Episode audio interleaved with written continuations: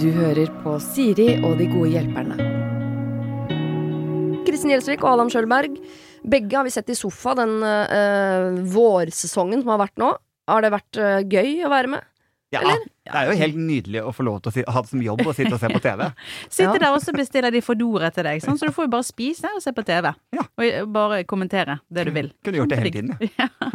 Ja, Men hender det at dere får lyst til å si uh, stygge og slemme ting om det dere ser, og så må dere Ja, det hender jo. sitte på hendene deres, på en måte? Jeg har sagt mye. Jeg det er jo si jeg føler ikke at du har holdt tilbake. Ne, jeg sier, sier du det? Jeg føler at jeg har klippet, de har klippet bort mye av meg. Ja. Så det sier jo bare litt om kanskje hvor mye jeg egentlig satt og sa Ja. for meg sjøl. Men eh, nei da, man må jo si det rett ut. Man kan ikke sitte der og bare 'Å gud, for et fantastisk program', og så er det dørgende kjedelig, Ja. eller det er noen kjipe folk med, eller noe. Man skal jo være ærlig, men samtidig så skal det jo være et feel good-program. Det skal være god stemning og, og fine folk. Så hvis man er ute etter liksom bitch fight, så burde man kanskje se på noe annet. Ja. Og skru på VGTV eller noe. Da. Ja, ja. Det var noen runder hvor jeg var noen sånn 'Dette skjønner ikke jeg', eller 'Nei, dette syns jeg var kjedelig', og sånn. Ja. Men som også i seg selv er gøy, for man tenker jo også at 'ja, men dette er ikke et program for deg'. Ikke sant? Eh, Og så skal det jo representere akkurat det. Man skal, det er lov å synes at noe er kjedelig. Klart det. jeg det syns det, det, er fint å se på Carl I. Hagen, for eksempel, som syns noe er, er dritkjedelig, mens kona sitter og syns det er helt toppelopp, liksom. Det ja. Var det ikke han òg som skulle se på Naked Attraction, da? Når Eli og godeste han er der, Carl I. Hagen, de skulle sitte og se på Naked Attraction. Det var veldig gøy. Ja. Ja da, Han hadde noen gode kommentarer til det han så på TV. Det var veldig, veldig gøy. Det var en av mine favorittepisoder, faktisk. Mm. Ja. Tenk på de som må være der sammen med dem. Dere- For dere er jo ikke alene. Det står jo noen og styrer de kameraene. Ja, ja. Som er inne i stua til Carl Ja. og ser på at han ser på andre nakne menn. Dere skulle vært der når jeg så på med min sønn på 11. Det var også kostelig affære. For å si det sånn. Det er så flaut for dem at de, de dør inni seg. Men det er bra. Jeg har fulgt med dere på sosiale medier også. Instagram først og fremst, som er min go-to fortsatt når det kommer til sosiale medier. Der har dere også noen prosjekter gående. Eh, Adam, du har blitt katt. Eh, du poster til stadighet eh, poster hvor du imiterer kattebilder eller, og skriver 'I'm a kitty'. I'm a kitty.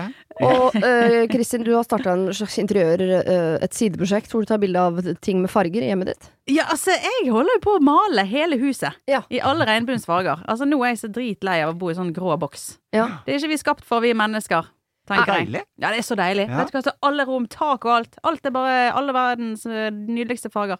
Så jeg har en sånn interiørkanal. Mhm. At Gjelsvik Home, en liten sånn reklame for meg sjøl. Det er en veldig gøy kanal. Der det er bare for spire og gro av farger og gode, gode følelser. Men er dette ting som har ligget latent i dere bestandig, eller er dette eh, koronarelaterte bivirkninger?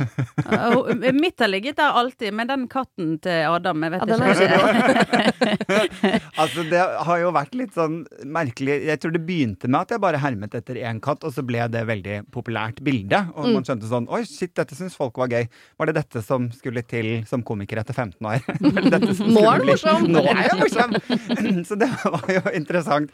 Men så har det blitt nesten litt sånn jeg vet ikke, De kattebildene for meg har nesten vært litt sånn få lov til å tippe over i å bli så gæren. Fordi Ja. som jeg faktisk føler meg noen ganger. At bare sånn Det blir sånn frikort til å få lov til å, å gjøre noe som er helt ute, da. Ja. Fordi man går jo litt på veggen hjemme. Mhm. eh, Ja, for det startet vel når du var i, i isolasjon, holdt jeg på å si? Ja, I leiligheten. gjorde det Ja. eh, for et år siden. Nå er jeg snart oppe i 100 bilder, så nå har det blitt merch og alt mulig rart. Så, og det er jo kjempegøy, men, og jeg kommer jo til å fortsette med det, for det er, eh, ja, det er litt sånn mental eh, frigjørende digg å kunne bare være litt gæren. Rett og slett få ut de sidene òg. Jeg koser meg veldig med bildene, men jeg koser meg først og fremst øh, og aller mest med at jeg tenker øh, hvor gøy du må ha det når du tar disse bildene. Når du Ja, ja. øh, legger deg i positur på toppen av kjøleskapet og knipser løs. tenker Nå har den det gøy. Ja, Da er det gøy med hjemmekontor. Og jeg har jo hoppa Det er jo noen hopp og greier som jeg har måttet gjøre, som jeg har brista ribbein, og Ja. jeg har, ja, ja, det har gått gærent et par ganger, men det er verdt det. Det er veldig gøy. Men jeg skal starte sånn pornokanal som heter I'm a doggy, og som bare tar bilder av meg selv i doggy. Kjempebra. Du kommer til å få så mye følgere på null komma niks. Det tror jeg jo. Akkurat sånne følgere som jeg vil ha. Gamle menn fra Tyskland. Beste folka. ok, nok om det. Vi skal eh, til en feiring. Eh, 17. mai er jo nært forestående. Ja. Folk er litt stressa. Det er en som skriver her. 17. mai nærmer seg med stormskritt, og dette er en av flere dager i året hvor min mann og jeg kjenner mest på hvor ulike vi er. Altså, jeg elsker å feire, feste, hylle, gratulere. Jeg elsker gaver, flagg, sang. Mannen min er mer av typen som lurer på hva faen vitsen er. Altså, han er ikke mørk til sinns, men han ser ikke poenget med å feire alt mulig. Så i år, som i fjor, når alt ligger til rette for å ikke feire 17. mai, så syns han vi skal benytte muligheten til å tone det hele helt ned. Litt ekstra is til ungene, kanskje. Jeg vil jo rigge potetløp i gata, på med bunad, bløtkake, altså jeg vil gjøre mer for å kompensere. Han vil ta det helt ned. Mener feil, han mener det blir feil å feire. Eh, Hva er det å feire, sier han. Eh, Han har jo rett, egentlig, eller er dette bare en ræva unnskyldning? Skal jeg overse han og klinke til? Ungene vil jo sette så pris på å få lov til å feire litt. Eller er det kompromiss som gjelder her? Altså en kompromissfeiring, bare smak litt på det. Det er ikke nok, altså. Hilsen Karianne. Hva tenker vi her? Skal hun gønne på, denne eh, Karianne? Skal mannen få vilja si? Og, er eller hvem? sånn, De gangene jeg har vært i forhold der jeg har en eh, partner som er litt sånn negativ til ting, det jeg gjør da ofte, det er at jeg pynter meg sånn veldig, og så lar jeg personen sitte i en sånn stol, og så slår jeg av TV-en og alle lysene, og så låser jeg døren og sier sånn ha det fint, da, så sitter du der i mørket. Kjenner på det. Vær så god. Ja, så kan du sitte der og føle på det. Er dette gøy? Syns du dette er koselig å sitte der i en mørk leilighet for deg sjøl, ensamdig? Mm. Ja. Nei, altså, jeg er jo en sånn gønne på. eh, Jeg vil jo bare si at hun skal kjøre løpet fullt ut. Eh, og så skal man jo selvfølgelig ha respekt for at han føler og tenker Altså, er det en årsak bak at han sitter her og tenker og hater så sinnssykt på en feiring? Altså, er det noe traumer Hva er det i knyttet? Ja, er det i deg? Er det noe langt der bak i tid? Har du et forferdelig vondt minne som må bearbeides? Kan det det være? i korpset, kanskje? Altså, Ja, kanskje. Ja, hvem vet. Sant? Plutselig fikk ikke han eh, instrument og måtte gå bakerst i korpset og bare trampe takten, liksom. Som Men de jo gjør. det, det, føler ikke at det kommer litt an på hvor lenge de har vært eh, eh, sammen her? Altså hvis man er, jeg føler jo at det må jo i et forhold På ett punkt må det være lov å gjøre hver sin greie. Mm. Ja, de har felles barn som tydeligvis er små nok okay, at de fortsatt syns det er gøy med potetløp. Da. Så Ja, men da, si at de hva, da skal han bite sammen og ta det for barna. Da skal du være med for barnas skyld.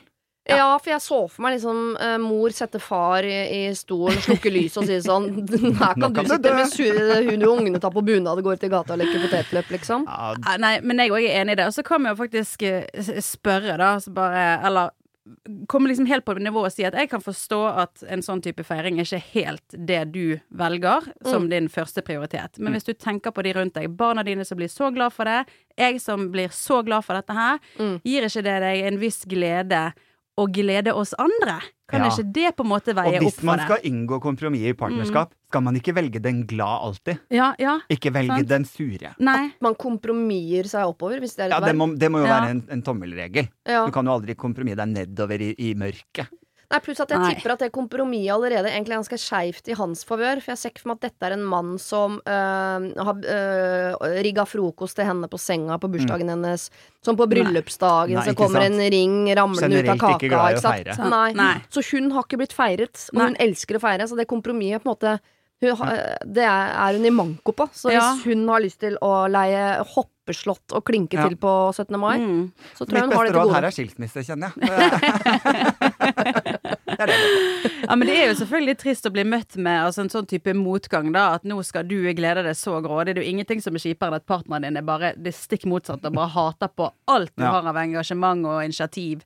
Sant? Så, men det, her føler jeg at de må, de må faktisk prøve å prate litt om det. Så ha litt sånn kommunikasjon rundt eh, dette her, og at han må forstå hvor viktig det er for hun og de andre. Ja. Og prøve å finne en eller annen viss glede i å glede andre.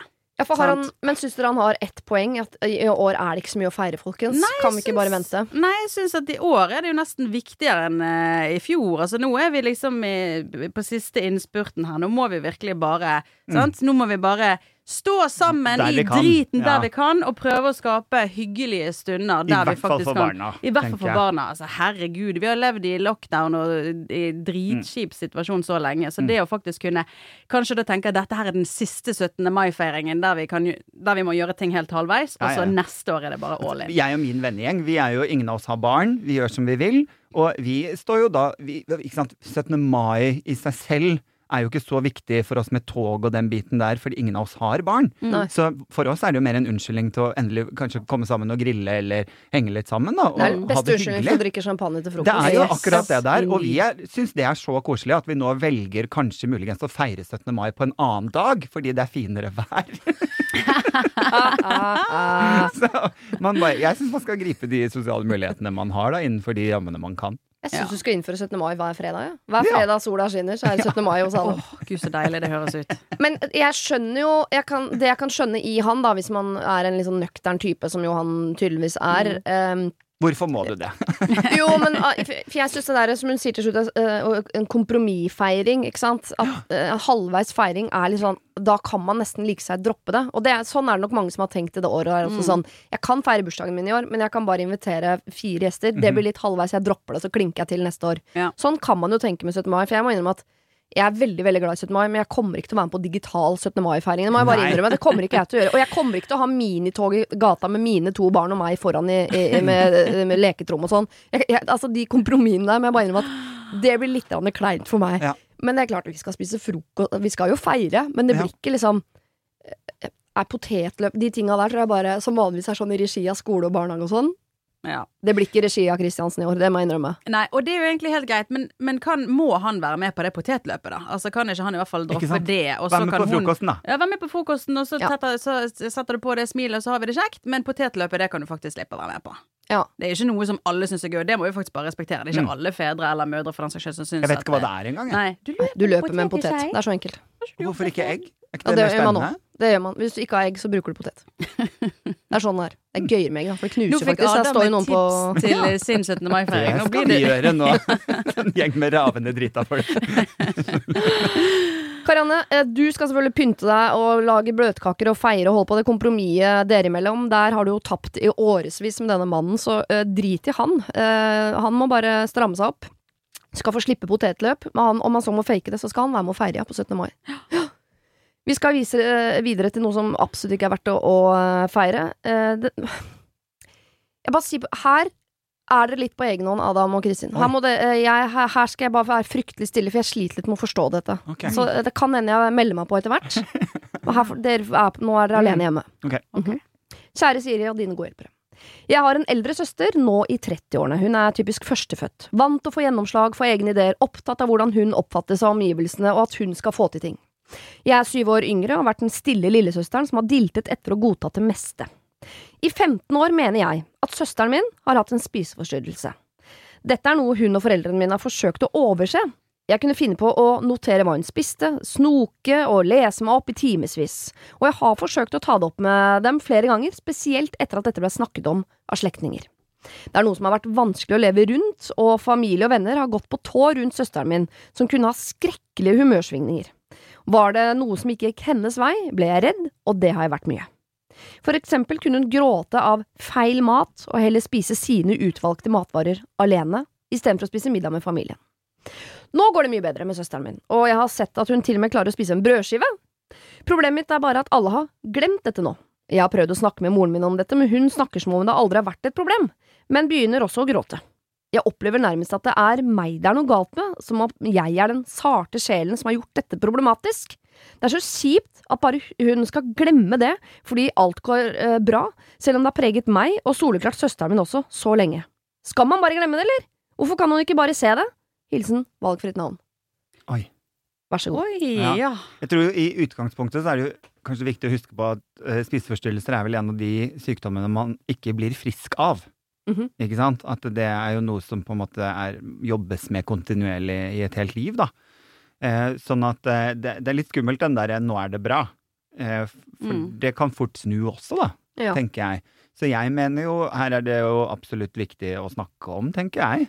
Hva Mm. tenker du, Kristin? Jo, jeg er helt enig. Og så her virker det jo òg som at hun hun burde jo òg fått profesjonell hjelp, sant. Eh, og altså her Lillesøster eller storesøster? Nei, altså du tenker på storesøster, men Ja. hun innser nok kanskje ikke det sjøl. For har jeg forstått det riktig at hun på en måte aldri har innrømmet at hun har et uh, problem eller en spiseforstyrrelse her? Sant? Nei, jeg Sånn- syns ikke det virker sånn. Nei, det Ja. er egentlig kun lillesøster som egentlig har fanget opp dette her. Mhm. Og tatt notater og alt mulig. Så hun har jo virkelig Mm. gått all in i dette Ja, ja, ja. for å virkelig lese seg opp og skjønne hva dette her er for noe.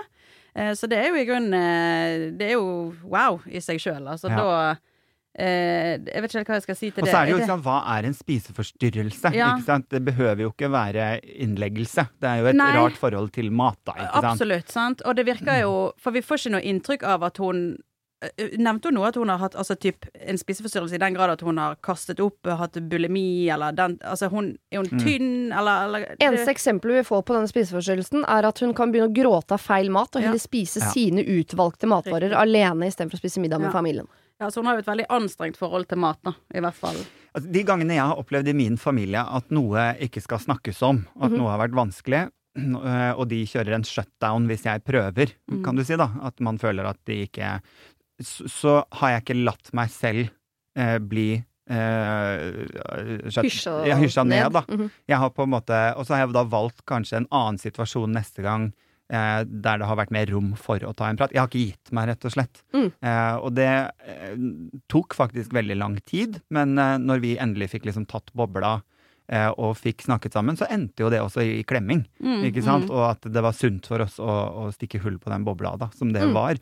Så eh, for min del så hjalp det å ikke gi seg. Men hvis man selv merker at, at jeg har så mye på en måte traumer da, etter å ha opplevd dette i disse årene, så må man jo også ta ansvar for sin egen mentale helse og kanskje søke litt hjelp og finne Mm. noen å prate med som er utenforstående, sånn som Ja. Kristin foreslår òg, da. Ja, men jo faktisk, eh, altså både for eh, storesøster, men òg hun her som opplever dette. Og hun kan jo òg kanskje få veldig mange gode råd hos fagfolk, altså hos en psykolog eller hos en Ja, ja, det er det jeg mener. det Hvis man er mener, preget Ja. av at noen i familien Ja. mm, For, for tar vare på din helse også. Ja, Mm. nettopp. Og dette her er jo et så stort og vanskelig tema at vi er jo faktisk ikke gode nok rådgivere i akkurat denne Nei. saken. Vi kan komme med tips, men, men akkurat det Adam sier der, er nok det lureste at hun tar faktisk dette spørsmålet sitt videre til, en, eh, til helsepersonell, nærmest. Så hun trenger jo faktisk skikkelig god veiledning, føler jeg, for hvordan hun skal på en måte ta dette opp med sin familie igjen. Ja. Og så har jeg også lært meg at eh, i sånne situasjoner den beste inngangen på sånne samtaler er å ikke starte med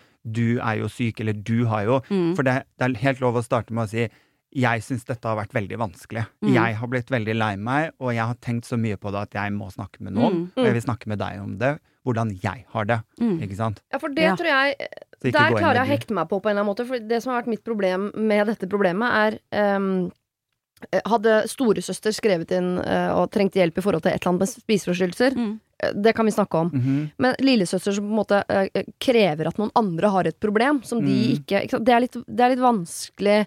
For, for alt man vet, så er lillesøster veldig omsorgsfull. Hun er kanskje bare veldig dramatisk. Og så er, altså er det ikke et problem, er det bare hun som har Mm. skapt et problem? Man, det er helt Det umulig for oss å vite om den personen. Så er derfor så, så vet, Kanskje storesøster har det helt fint. Hun, hun likte ikke fiskepinner, så hun gikk inn på soverommet og spiste brødskive. Altså, Jeg vet ikke. Ja, det er jo det vi vet ikke. Og det kan Nei. godt hende at familie Eller at hun er den eneste som er den som tør å snakke om ting i familien, mens resten er konfliktsky. Så, Ja. Og da, det er slitsomt for en som egentlig er en sånn som vil prate, når alle Ja, ja. andre ikke vil prate. Mm.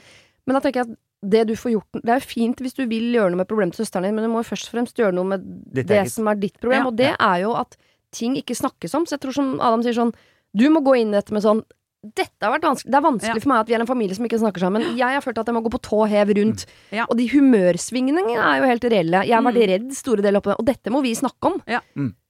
Og ikke liksom pakke det inn i at storesøster Mm. øh, Nei, jeg vet ikke, for hvis Mm. det kommer ut som ikke omsorgsfullt, men mer sånn der klandrende overfor den øh, storesøsteren som har Mm. vært sånn og sånn og sånn og sånn hele veien, så kanskje folk Så er det ikke så rart at de kanskje skrur av ørene og tenker sånn åh, vi orker ikke, vær stille med deg, liksom.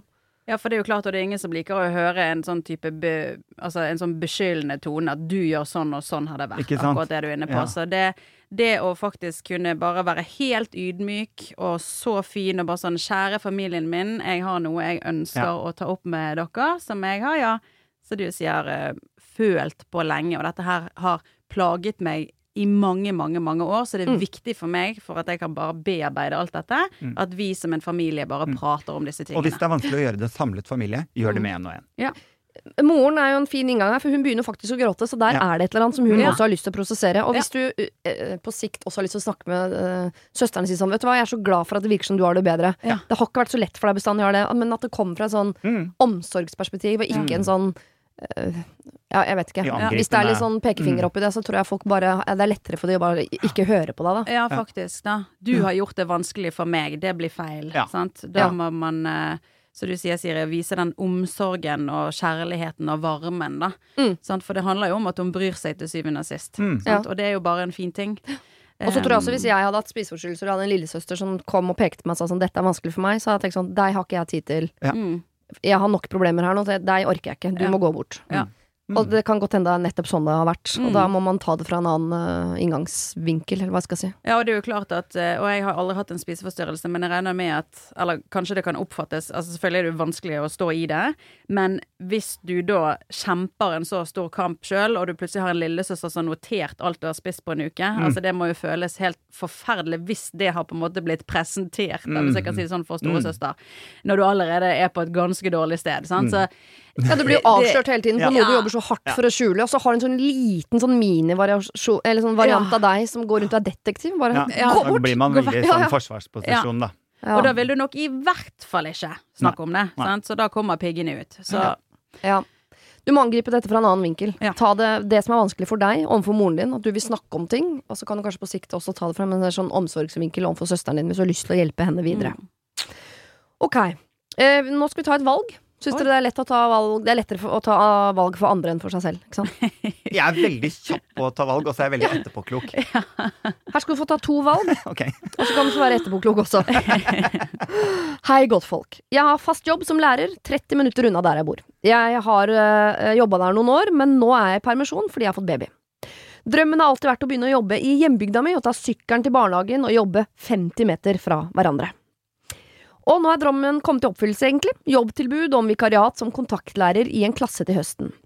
Så hva er problemet? Jo, hovedsakelig at jeg er vinglepetter, og jeg begynner å tvile. Problemet er todelt. Én, skal jeg bytte jobb? To, skal jeg bytte eh, Nei, skal jeg jobbe 80 eller 100? Så her har vi to valg vi må ta. Eh, og så ramser hun opp en hel del fordeler og ulemper. Minus med å bytte jobb. Jeg går fra fast til vikariat. Jeg må være kontaktlærer i en klasse med barn som har nesten alle foreldre som er kollegaer og eller venner med meg fra før.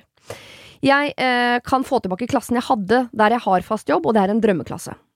Pluss må bytte jobb. Jeg kan sykle til barnehage og jobb. Jeg sparer fem timer totalt i uka på kjøring. Minus må jobbe alltid. Mindre betalt, mindre lån til eventuelt hytte som jeg er på jakt etter. Samboere og foreldre er negative til dette. Det er utedag den dagen jeg eventuelt er hjemme, og jeg liker utedager best.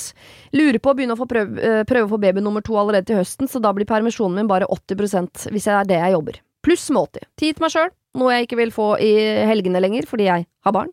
Tid til ting jeg ikke får tid til ellers, i en forventa hektisk hverdag som alle småbarnsforeldre snakker om. Klisjé, men yolo, altså leve bare én gang, og alle har et eh, eget ansvar for å prøve å velge veier i livet som gjør en lykkelig. Ikke ligge på dødsleiet og si åh, skulle jeg jobba mer? Så hjelp, hva skal jeg velge? Skal vi ta først øh, øh, om hun skal bytte jobb? Skal vi ta den først? ja. Ja. Ja. Jeg vet med meg selv at jeg er en sånn, hvis jeg har kommet på tanken, så klarer jeg ikke legge den fra meg. Nei. Så da er jeg sånn, da må det gjøres. Støtta 100 Ja. Da, Mm. Ikke bare 80. Hæ? Ikke bare 80. Ikke bare 80, ikke bare 80 her. 110 Ja, faktisk! 110%. Støtter jeg den! Nei, men det er det der, å, når du har kommet opp med en tanke, og du forestiller deg noe, så så det, det er helt umulig for meg i hvert fall å legge det fra meg igjen. Da, det, da må jeg gjøre det, og så må jeg gå skikkelig på trynet, og så må jeg si sånn Det var veldig dumt. og så er det jo så fint da i livet at det er helt greit at det var skikkelig dumt. Ja, jeg er så enig, for igjen så går det litt på det, inn på dette her med å angre på ting du gjorde og ikke gjorde. sant? Og så er jo det òg en klisjé, men det er mye bedre å angre på alle de tingene du gjorde, enn det du aldri gjorde. sant? Og du hoppet ikke på den sjansen som nå plutselig bare sto rett foran deg der. og... Når kommer boken din? Å, den, den kommer eh, Med visdomsår. Som er. Ikke angre Ja. på noe, heter den. Ja.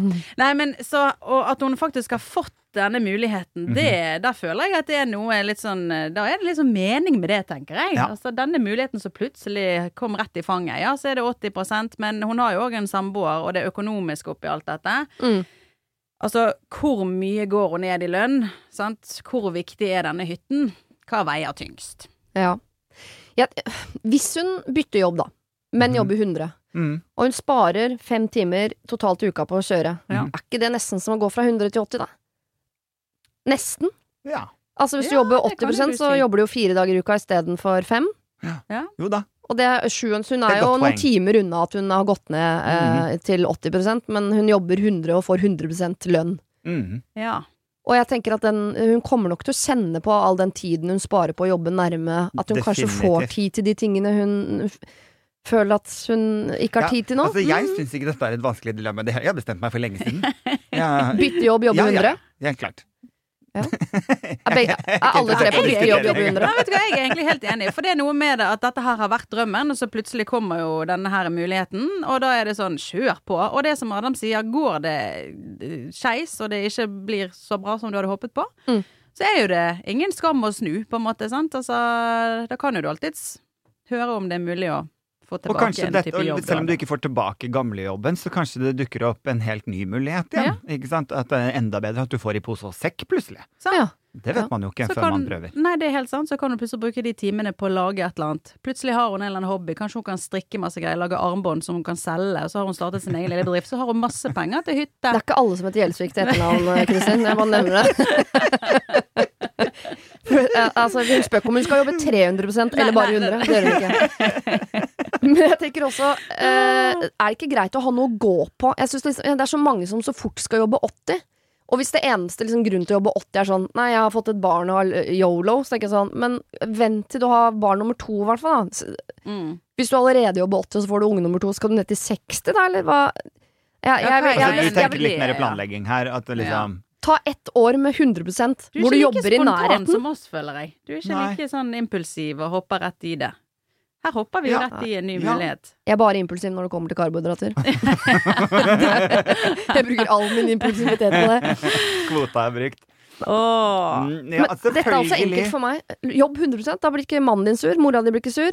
Du har de pengene du trenger, også inn i neste uh, rugekassefase. Og så vet, jeg- så jobber du i nærheten Og, og, og har spart allerede her, timer. midt i setningen din, er jeg deprimert.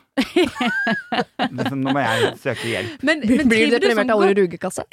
Ja, det blir jeg òg. Men, eh, men at du på en måte går den veien, blir jeg deprimert av. Det høres jo helt forferdelig ut, syns jeg, da. Men det er fordi jeg er kjempeegoistisk og ikke har noe barn. Og bare sånn, altså jeg skal nyte mitt liv til altså det, Når jeg dør, det skal ikke være en krone igjen. Jeg skal, Ja, jeg skal skal- smatte opp alle pengene. Det skal være Ja. minus på kontoen når jeg går herfra. Ingen skal få noen av de pengene. Er du gæren? Skal ta maks forbrukslån idet du ligger på Ja, ja, ja, ja. eh, sykehuset. Ja. Men trivdes hun i jobben sin som hun har nå? Sa Ja. hun Ja, det virket sånn. Ja. Ja, Ja, og så det ok. En av tingene er at eh, hvis hun fortsetter den gamlejobben, så får hun tilbake den drømmeklassen sin. Jeg tenker sånn, men det er jo det kortsiktig og tenkt også. Det er jo veldig kortsiktig, for de skal jo ut av den Ja. skolen plutselig, og så er det ny klasse. Altså, Mm. det, jeg tror ikke man kan henge seg opp i det. Dette. Så får du drittklassen. Ja. Så jeg tror kanskje det er noe hun må ta vekk av den der eh, på pluss-listen sin. Sant? Det må bare Det må strykes, strykes, for det kan ikke man tenke på. Sant? Så går det tre-fire uker, og så har du Mhm. på en måte glemt den klassen. Mm. Kanskje, tenker Ja. jeg. Altså, du kan, Men var vi ikke Jeg skjønner ikke øh, hvorfor du surna på meg der, Adam. Jeg tror vi var enige. Var, var, det ikke god stemning eh, hos alle tre nå for å Ja. bytte jobb? Det er, det, det er vi enige om. Ja. Bytte jobb, Ja. ja! ta jobben nærme. Ja. Men var ikke alle på 100? Og ja, var det òg et spørsmål? Kunne hun Ja. velge 100 eller 80 der hun flytter til? Ja, ja. Å ja, da har jeg gått Kan glipp av noe. kan hende det er noe underliggende rent personlig mot deg. At du har skjula for noe i gamle er dager, helt du. annet som ikke har med dette å gjøre, Siri. Det kan godt Jeg beklager uansett hva det måtte ha vært. Ja, nei, men ok, Bytt jobb til Bytt jobb. den drømmejobben. Mhm. Sant? Der kommer du nærmere, du får litt mer tid så du slipper i kjøring og alt mulig. Men jeg, der kan jeg jo være enig i at du kan jo jobbe 100% Ja. Ja. 100% i nærheten. i nærheten. ja. Da sparer du tid, og Mm. de, de, de, de timene du får til overs, kan du bruke på å gjøre gøye ting i Ja. livet ditt. Ja. Enig. Og hvis hun har lyst til å gjøre veldig mye gøye ting, så kan hun òg utsette det babyprosjektet. Ja. Får du ingenting til å gjøre noe gøy. Ja. Eller gjør det nå. Hvis du skal ha to eller flere barn, så er mitt mantra aldri slutt å skifte bleie på den ene før du må begynne på den andre. Da, du må bare føde i et hakkende kjør, så at du aldri får liksom, lukta på verden uten bleier. Ja. Og så må du gå inn i den igjen! Oh, ja. Ja. Det orker man ikke. Okay. Da skal jeg være bestemor. Ja, nettopp. Ikke sant? OK. Skjønner. Eh, bare et siste tips fra meg til deg og alle andre som måtte høre på. Ikke send meg mail hvor det står eh, ord som yolo, så jeg må lese deg høyt. For da føler jeg meg så ekstremt Kanskje det er aggressiviteten min kom fra? Si det ordet. La meg slippe å si det ordet, vær så snill. Til og med når jeg leser det, så høres jeg gammel ut. Jeg orker det ikke. Oh, ok. Eh, vi skal over til et problem som har overskriften Romeo og Julie. Da kan man jo kanskje tenke seg at det handler om eh, litt umulig kjærlighet. Ja. Hjelp! Jeg er den andre kvinnen. Jeg har vært singel stort sett hele mitt liv. Jeg nærmer meg 40 og har bare korte forhold bak meg. Jeg har ingen barn, eh, eller ja, jeg har ikke rot noe sted. Men for snart to år siden så traff jeg en mann. En fantastisk mann. Jeg falt pladask. Så pladask som jeg ikke engang gjorde i mine naive tenår. Jeg traff han på noe så romantisk som Kiwi i byen der vi bor. Vi låste blikket ved frysedisken, vi smilte, men vi vekslet ikke et ord. Lang historie kort. Blikk ble til hei, hei ble til hvordan går det, så kaffe, så vin. Vi tok det sakte og prøvde egentlig å ikke treffes, fordi han er jo gift, og han har barn. Og dette har vi snakket masse om, altså. Ikke er han spesielt ulykkelig heller, helt vanlig, tror jeg, men som han sier, jeg visste jo ikke at dette fantes. Jeg vet at det høres ut som eh, jeg finner på noe her, men det er virkelig som om hele verden vil at det bare skal være oss. Men så traff han dessverre en annen på veien som har oppholdt han. Vi vil at det skal bli oss. Det blir oss. Han må bare gjøre det riktig. Og hva er det? Det beste for, oss vil være å flytte vekk. For byen her, de kommer til å hate oss. Men da mister jo han den daglige kontakten med barnet sitt. Hva er mest skånsomt for alle? At vi blir her i byen, facer all dritt sammen, viser verden at øh, vi vil ha hverandre, og håper at de ser det etter hvert? Eller at vi forsvinner i en periode, lar de få space, slippe å føle at gata er et minefelt, osv. Vi trenger ikke råd om at vi skal droppe hverandre. Vi har bestemt oss, men vi er usikre på veien videre. Hilsen Rome og Julie. Altså ikke noe sånn dropp han, ikke vær den andre kvinnen, la han være med familien sin. Det, Mhm. de, det skal bli de. Ja, ja, ja. Ja, og det har Norge ja. med på. Begge to de har bestemt seg for det. De to er med på det. Hvordan skal de gjøre det mest skånsomt for eh, Ja, ta de i andre rekke, da. Familien hans i første Mm. rekke. Og Vet de om det enda? Har de fått beskjed om at de har innledet et forhold? det tror jeg absolutt ikke. Så det foreløpig er det bare ingen som vet. Ingen vet, bortsett fra Romeo Julie. Helsike. Og han var ikke spesielt misfornøyd i forholdet sitt heller, men han bare fant en annen kvinne som var Enda bedre. Og så fant Enda han en bedre. annen også igjen på veien til det. Nei. Nei. Var det hun, eller var det bare en måte hun Ja, for jeg ble Ja. litt stusset på at ja, ja. enda Nei, nei, nei, Nei, det er kona, på en måte. At han oh, ja. traff kona og tenkte sånn Å ja, det er jo oss to. Og okay. så traff han henne sånn eh, Nei, nei, det er oss to. Oh, okay. Og det har jeg tenkt noen ganger. Man kan jo ha uflaks med timingen i kjærligheten. Man tror man har Ja. truffet den rette, og så treffer man den rette. Helt klart.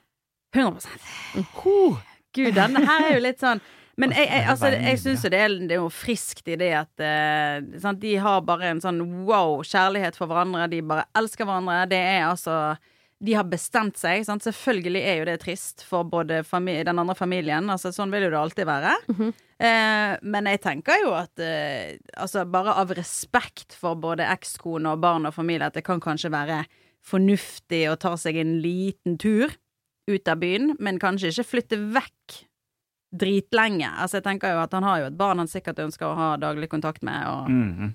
men om det ikke blir på daglig basis Jeg vet ikke, jeg, men det der å gå og bare liksom kysse foran frysedisken hver gang de er på Kiwi, liksom, mens eh, konen plutselig handler på samme Mm. tid, det er jo litt sånn Det er ikke så Jeg- jeg- for hyggelig, hva er kanskje. verst? Jeg bare tenker Hvis mannen min skulle forlatt meg for en annen Hva er verst? At jeg aldri ser de, sånn at jeg på en måte kan bare sitte hjemme og hate og tenke mitt? Eller at jeg må face det? At kanskje jeg på sikt ser at Ja, men jeg, jeg ser jo at de to er riktigere for hverandre enn det vi to var. Ja. At man til slutt kjøper det sånn Ja, men å ja, det er ikke bare en eller annen Mm. eh, Som jeg antageligvis ville tenkt sånn En hore som man driver og knuller på rundt i gatene her, som jeg ville sagt Ja. antageligvis i starten. Ja. At jeg ser sånn Å ja, men det greiene de driver med, er jo ekte kjærlighet. Nå har de Ja. vært sammen i fire år, de elsker hverandre. Mm. Ok, greit. Jeg tapte, liksom. Så, de, så dette nye paret må definitivt ha litt respekt for situasjonen. Og det virker det jo som de på en måte har litt tanker rundt, da. Ja. Eh, og stiller spørsmål ved skal vi rett og slett flytte fra byen, ikke sant. Mm. Eh, og så er det jo noe barn å ta hensyn til her.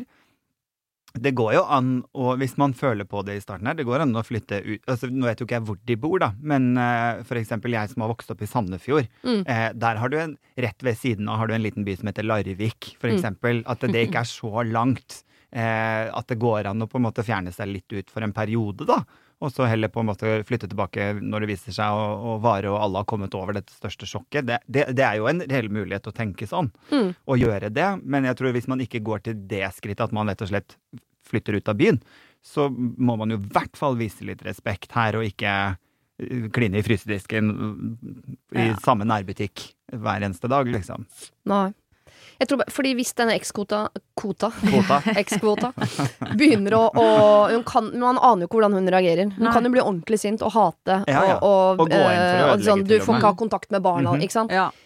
Og da tenker, jeg, Det kan være greit å holde seg i nærheten, for det er mye lettere å på en måte sånn Ja, men eh, hvordan skal du kunne levere på barnehage eller hente på Ja. skolen når ikke du bor i samme by engang? Mm, Ikke sant? Det, mm. det, her, det skrittet du tar til siden her, kan være et skritt som føles kort, men som er Mm. ekstremt langt i Mm. forhold til å ha den kontakten med barna. Ja, det er jo akkurat det. Og at hun må jo kunne forvente å få en avlastning hjemme. Altså, Mm.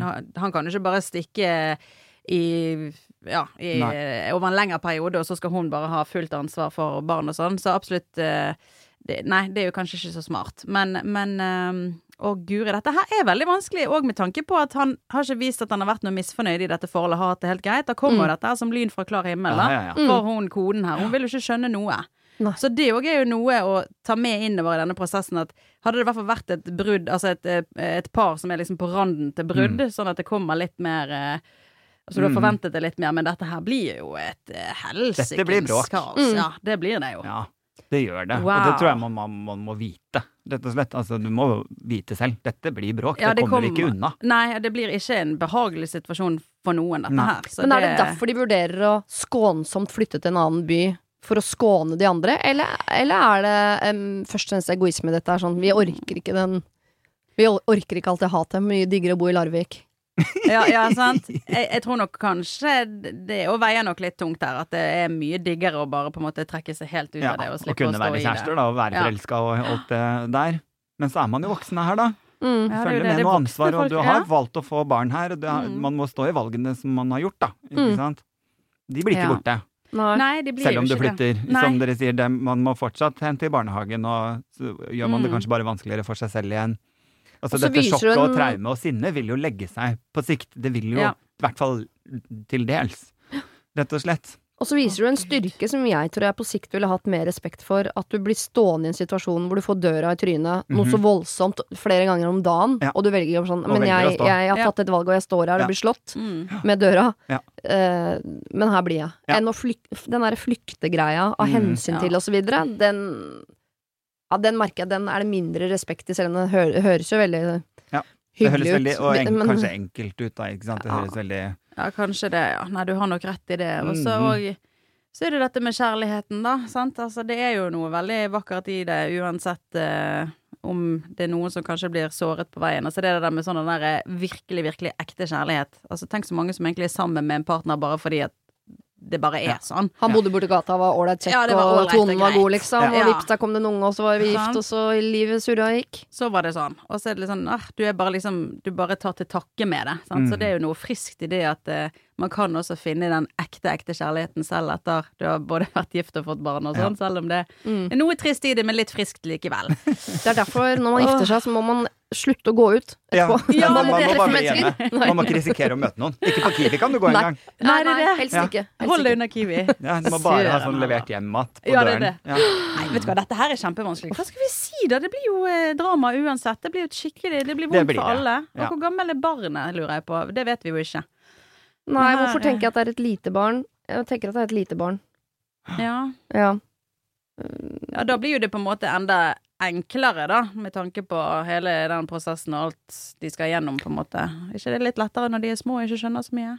Jo, små barn skjønner jo ikke at foreldre er kjærester heller. Nei. Jeg tror ikke mine barn skjønner at jeg og, og, og lokføreren er kjærester, liksom. Nei. Egentlig. De tenker at vi bor sammen, og det er praktisk for alle, og, Ja, ja. men eh, Ja, det er det. de blir ordentlig fniste når hvis vi danser eller kysser på kjøkkenet og sånn, så blir det sånn Hæ, dere to! Æsj! Mamma, og pappa!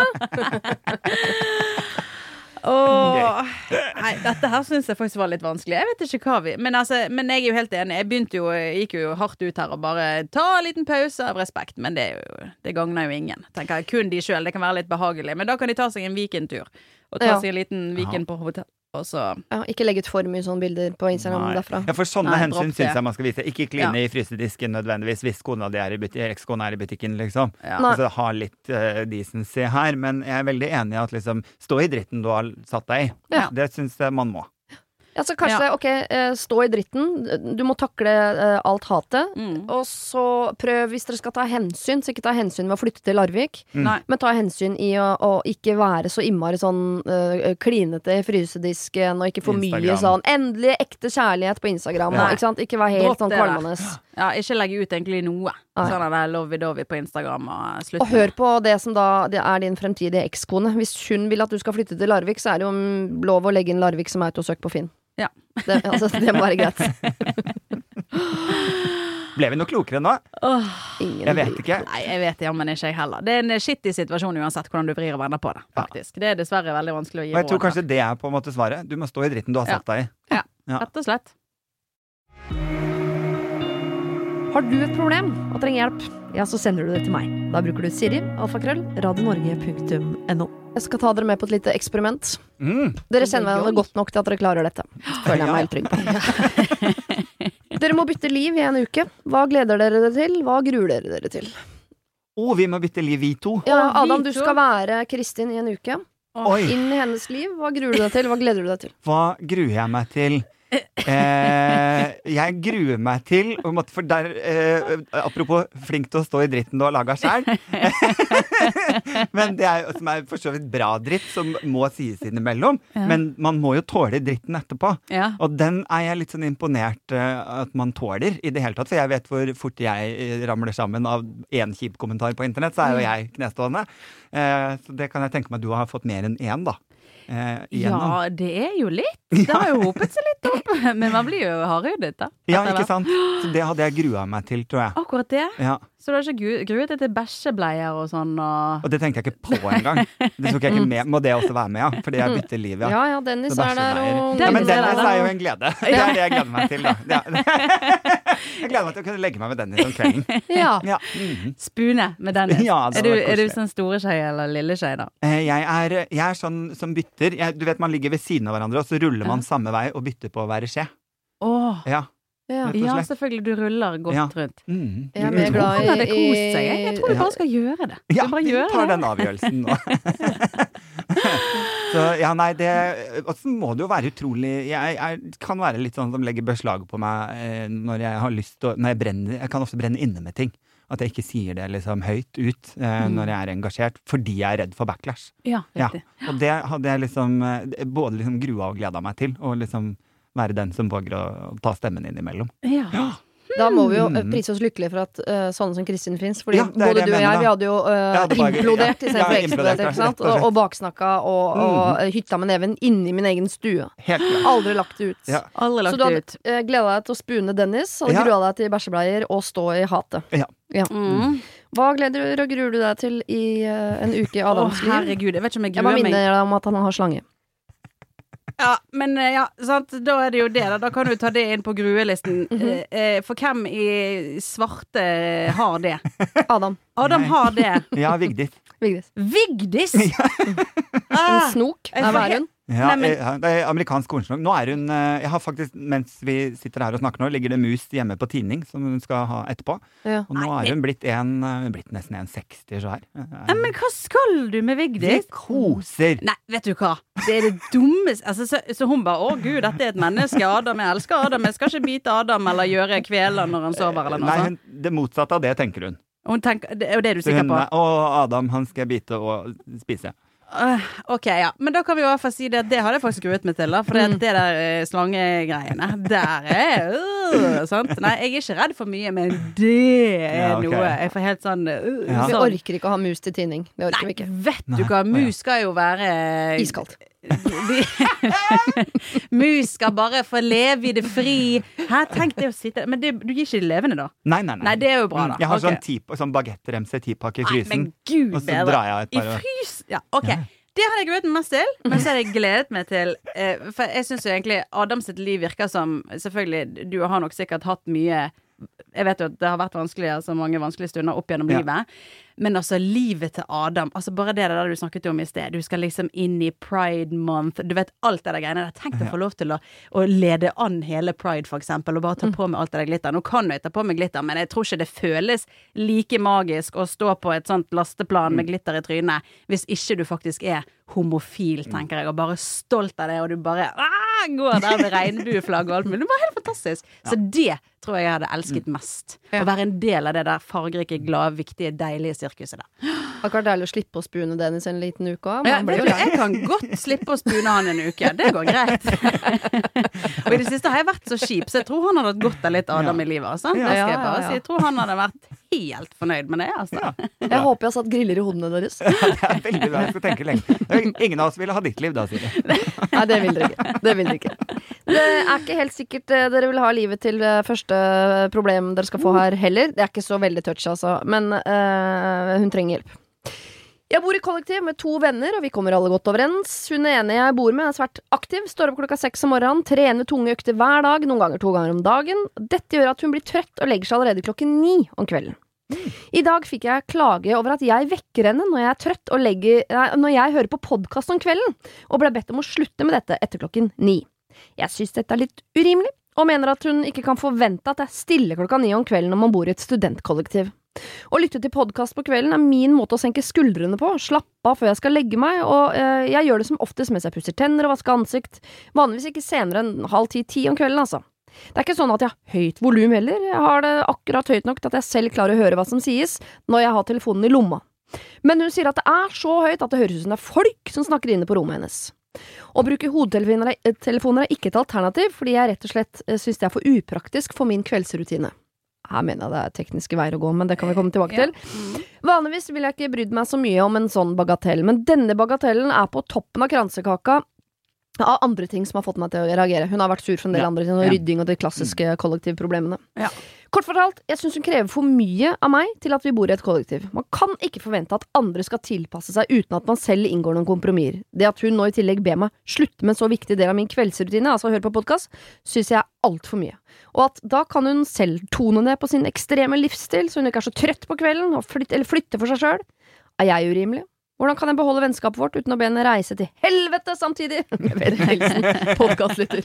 Ja, for her ligger det noe aggresjon for flere ting, ikke Ja. sant? Det er, det er bare toppen av krattkaka som kommer her. Men eh, eh, altså, vi må ta for oss det enorme Ja. uh, forskjellene i, i eh, rutiner her. En som Ja. står opp seks om morgenen, legger Mm. seg ni, og Ja. en annen Trener. som jo ikke gjør det. Det, altså For en som, eh, som gjerne skulle sovet lenger enn det Altså Nå har jeg et barn som gjør at jeg må stå opp i den eh, tiden der, da. Men altså å stå opp klokken seks for å trene én til to ganger daglig, det er jo så langt ifra mitt liv at jeg bare sitter her med store øyne og skjønner ikke at Altså, det er mulig. jeg har ikke barn og gjør heller ikke det. Ja, ja. Nei. Nei, så, og, men det er jo klart, hvis den treningen er viktig, helt supert. Men man kan faktisk ikke under noen som helst omstendighet be noen være stille etter klokken ni. Altså, vi har jo et sånt generelt regelverk, har ikke vi det i Norge? Sånne ordensregler. Det er klokken elleve. Altså, jeg skulle til å si at dette her er jo nesten ikke et problem, for dette finnes det i kontrakten. Det står i kontrakten på husordenregler, Ja. eller hva det er for noe. Så, Og så er det jo liksom hele den andre biten da, om kompromiss i forhold til å ta hensyn til de man bor med. Og det er klart, jeg kjenner meg selv at hvis det hadde kommet til dette punktet som hun er litt på nå, at det er flere ting, så hadde jeg bare smelt den kontrakten i bordet og sagt sånn Sånn er det, så må du bare flytte hvis du vil det. det jeg inviterer deg til det, at du flytter. Ja, for det er jo, men det er jo det du slenger kontrakter i bordet og viser, henviser til paragrafer og sånn. Det er på en måte Det er nesten det samme som å, be folk reise til helvete. Altså, da Jo, er men det høres nest- det er jo, hun sier jo at hun har lyst til det. ja. Ja. Men er Da de bevarer veldig du gode ikke husfreden. Nei, men hun ønsker å egentlig være venn med Vil beholde vennskapet. Ja, sant? så er de gode venner. Men så er det jo det, og du var så vidt inne på dette her med at headset er litt sånn kronglete. Ja, men det finnes jo andre alternativer. Du har AirPods, ikke det sånne ting du bare stikker i øret uten ledning og sånn. Det burde jo være easy, altså quick fix. Sant? Finnes Du det? kan Hæ? Finnes det? AirPods. Ja, fins det? Nei, spør du ekte, eller er du sånn ironisk nå? Utrolig god på ironi. Å, ja, ja. Ja, det var så bra. at, Ja, det var eh, bra. Jeg tok den ikke engang. Ja, det er det. Altså- ja, it's a kitty. Eh, AirPods fins jo da. Eh, så det burde jo være Altså, hvis, hvis hun er konfliktsky, det kommer ikke helt frem her. Men hvis hun da ønsker å på en måte ta det hensynet da og bare være god venn, skaff deg et par AirPods og Men hør på kan det kan man også ditt. liksom si at jeg kan fire Vi kan begge to Altså, et kompromiss er et kompromiss, ikke sant? Ja. Eh, så, så det må jo møtes litt på, på midten her. Ja. Det er jo ikke sånn at du At hun må liksom kue, seg til alt hun andre vil, fordi hun skal opp tidlig og trene og legge seg tidlig. Nei, det men- å ta litt i begge ender, da. Hvordan kommer man til det, liksom? Ja. Altså, Mm. hva kan man kreve tilbake, da? Ikke sant? Ok, jeg kan 30 minutter før, da. Ikke sant? Men det er likevel klokken ni! Altså, Ja, Helt åndenød er det. Det er klokken ni på, på kveld. Det er jo, det er jo ettermiddag nesten. Nei, Altså, nei, vet du hva. Hvis jeg hadde pussa tenna og, og vasket ansiktet klokka ni, så hadde jeg rukket å bli eh, eh, Hadde jo altså, har i hvert fall ett måltid igjen og rukket å bli møkket i ansiktet før jeg gikk og la meg. Ja, ja. Hva faen er vitsen? Ja. Ja, hva er vitsen? Du har jo, altså, hele kvelden din forsvinner jo. Altså, det er jo da livet starter, nesten. Ja. Klokken ni. Herregud. Så det er jo på en måte denne personen som legger seg klokken ni, som er jo utenfor normalen i forhold Ja, til hva absolutt. alle studenter egentlig gjør. Og da Alle er det jo mennesker. egentlig hun som skal ta alle hensyn. Jeg òg er For det virker ikke som det plager henne at hun står opp seks og trener og sånn. Det som er plagsomt ved det, er at hun blir trøtt klokka ni. Ja. Og jeg mener, å ta hensyn til en som legger seg ni, det er en ganske sær Ja, rutine. det går faktisk ikke an å ta det hensynet i det hele tatt. Altså her er Jeg ikke med på kompromiss engang, for jeg syns det er så utrolig teit. Altså, jeg, had, jeg er rett på å slenge kontrakt i bordet. Ja. Jeg er der, Ja, liksom. for dette blir for dumt. Altså, og dette her, det, det går bare ikke. Altså, klokken ni er for tidlig. Ja. Og hva med hun som står opp klokken seks, da? Hvis hun andre har lyst til å sove til klokken åtte, da, hvis hun har mulighet til det. Så Ja. hvis hun blir forstyrret av at hun er oppe og våken klokken seks, altså skal, det også, skal ikke det òg veie opp litt her, da? Altså, hun går jo rundt og romsterer og lager frokost og alt mulig, og kan jo vekke hele huset klokken seks. Hvor er det hun trener? Trener hun på yogamatte i stuen, for eksempel? Det Det hadde vært litt Ja, sant? Så hun skal få lov til å gjøre alt hun vil. Og Mm. be alle være stille klokken ni. Jeg kjente jeg ble sur på hun her. Ja. Jeg har lyst til å skrive en kronikk om hun her. Kan ikke du gjøre det? Jeg lager en video. Nå er det nok! Nå er det nok. Men beholde vennskapet. Når har du tid til å være venn med henne? Hun legger seg klokka ni. Hva, har du ikke tid? når er du venn med henne? Når, vil, når har dere fest? Liksom? Ja, Ja. aldri.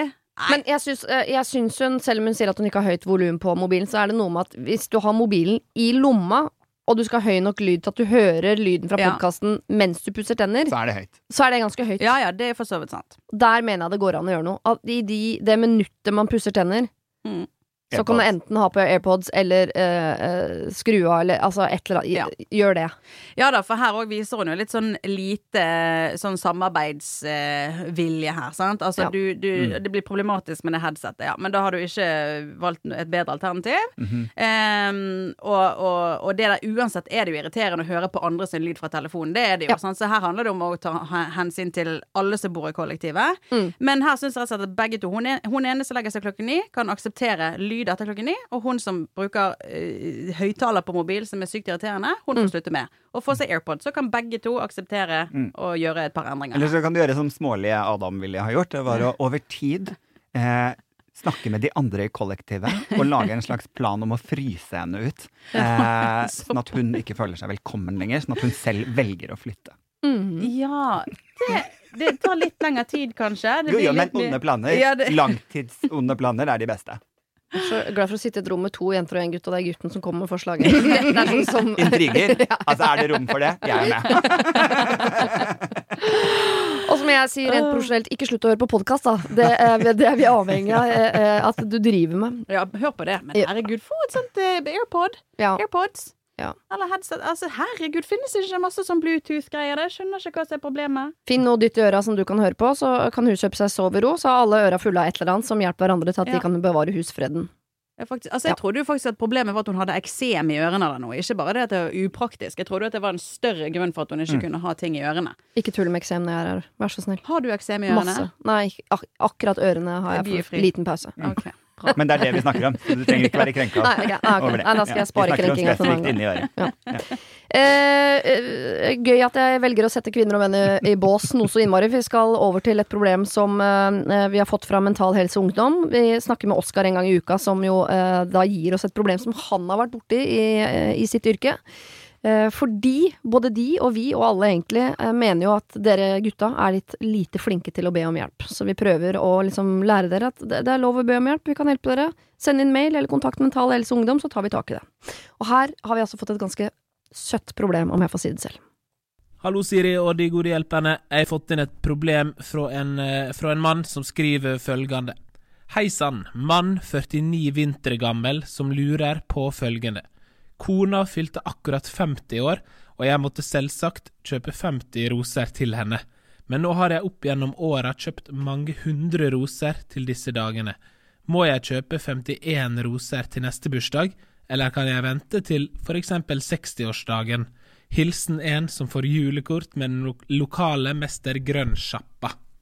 Så det er altså en person som kjøper litt for mye roser eh, som trenger hjelp til hvordan han kan komme seg ut av den vonde sirkelen. Jeg skulle gjerne møtt eh, mann 49 som kontakter Mental Helse og Ungdom fordi han kjøper for mye blomster til kona. Det er ikke sånn, Hvilken planet bor du på? Men det er jo søtt. Ja, Ja. Ja, dette søtt. var veldig søtt. Det var Ja. det, altså. Um, Skal han eskalere roseinnkjøpet i Men årene dette er jo et sånt problem tror jeg, som mange kan kjenne seg igjen. At man maksa ut på en eller annen Ja. bursdag, og Ja. så plutselig innser man hva gjør jeg neste Ja. år. Eh, og her har jeg litt lyst til å trekke inn eh, Altså, og dette her er jo noe som jeg er veldig opptatt av, som jeg syns er veldig viktig at vi skal snakke mye om hjemme. Dennis syns det er litt teit, men jeg Ja. tror likevel det er litt viktig. Dette her med sånn kjærlighetsspråk. Sant? Hva er Mm. egentlig ditt kjærlighetsspråk? For dette her å motta gaver, sant? det kan jo være for noen det Mhm. viktigste. Mm. Den største bekreftelsen på at han hun, hen elsker meg. Sant? Em, og det er nok ganske mange menn som tenker at blomster er en sånn umiddelbar greie som alle kvinner setter pris på og elsker og blir veldig glad av, og føler at da, da viser jeg at jeg elsker dem. Mm. Og så viser det ingenting resten av året. Ja, nettopp, sant? Men det kan jo faktisk være at konen har egentlig et helt annet kjærlighetsspråk, som faktisk kan være tid eller komplimenter for den saks skyld. Det kunne nesten vært litt interessant da, at han faktisk kunne spurt henne om det. Da ville jo hun for det første mest sannsynlig blitt litt sånn wow, gud.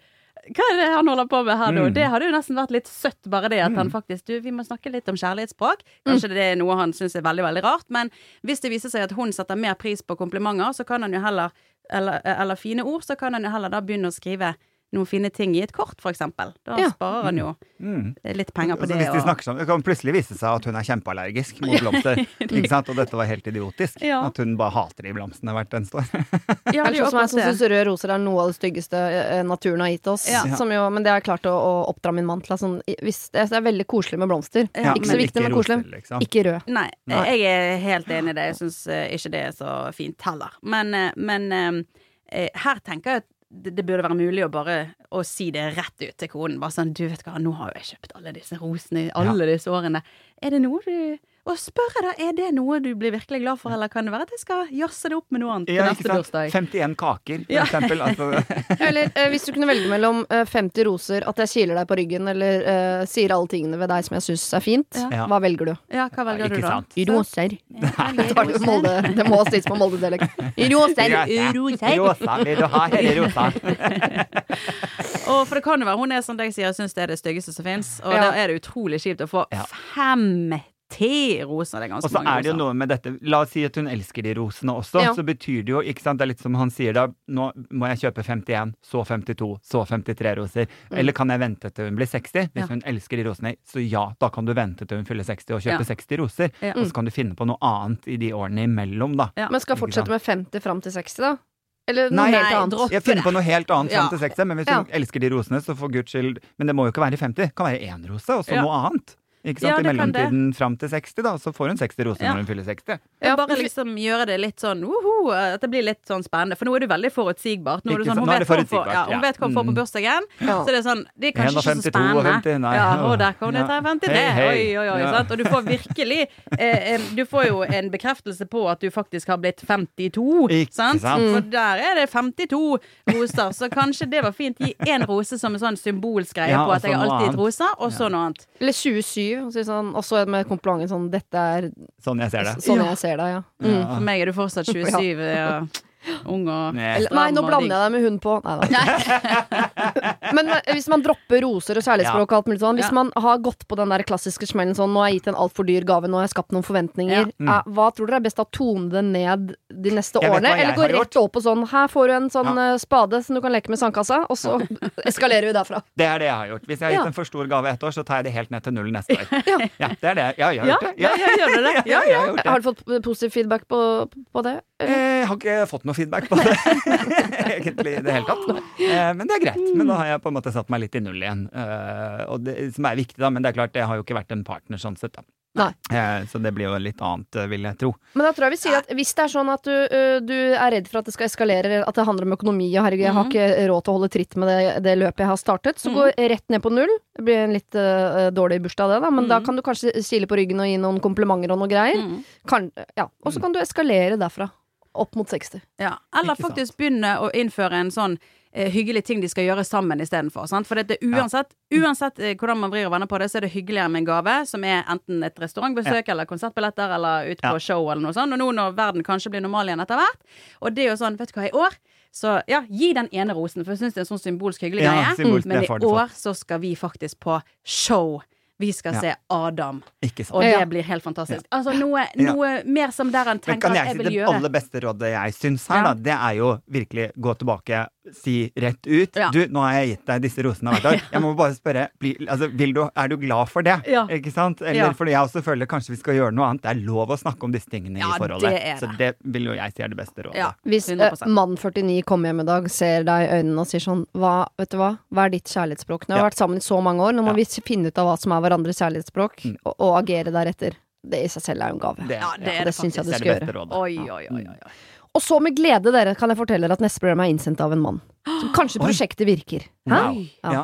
Men uh, dette er, en, uh, det er et mindre hyggelig problem, da. Oh, ja. Men det gjør ikke noe. Nei, nei. Jeg er en mann i midten av 40-åra. Kall meg gjerne Lars. Jeg har vært samboer med, kall henne Nina, i over ti år nå. Hun er for øvrig på samme alder som meg. Jeg har i mange år vært overvektig. Men for ca. fem år siden tok jeg et valg om å bli et sunnere menneske, noe som også innebar at jeg fikk satt opp et treningsprogram av en PT. Dette har jeg fornyet jevnlig og satt meg stadig høyere mål. Til min egen tilfredshet kan jeg si til meg selv at jeg har klart alle mine mål med glans. Jeg har blitt sterkere og raskere. Kulemagen og dobbelttaket har blitt borte, mer eller mindre. Så kommer det. Hun har egentlig aldri støttet meg i disse årene. Hver gang jeg har slått meg på brystet og vært stolt av egne prestasjoner, så har hun kun sett en annen vei, ikke gitt meg en tommel opp eller et klapp på skulderen engang. Hun har sågar sagt rett ut at det bryr henne lite, det jeg holder på med. Det finnes viktigere ting i livet, osv. Vi har to gutter som hun setter opp mot meg i den forstand at hun mener at jeg burde brukt mer tid på dem, selv om jeg aldri har satt trening foran barneoppdragelse. Men det skal sies at jeg nok sikkert har vært litt selvopptatt i perioder, fordi jeg har vært veldig opptatt av å klare målene mine. Vi sliter med forhold på mange andre måter også, altså, og det føles eh, eh, Og dette føler jeg har vært den sterkeste årsaken til at vi har havna på skråplanet. Har jeg vært egoistisk? Burde hun støttet meg mer? Skal jeg glemme trening framover og bare være familiefar? Mange tanker her. PS. Jeg trener på det meste, seks til syv timer per uke, noe jeg ikke anser for å være mye. Eller Hilsen Lars. Oi, oi, oi.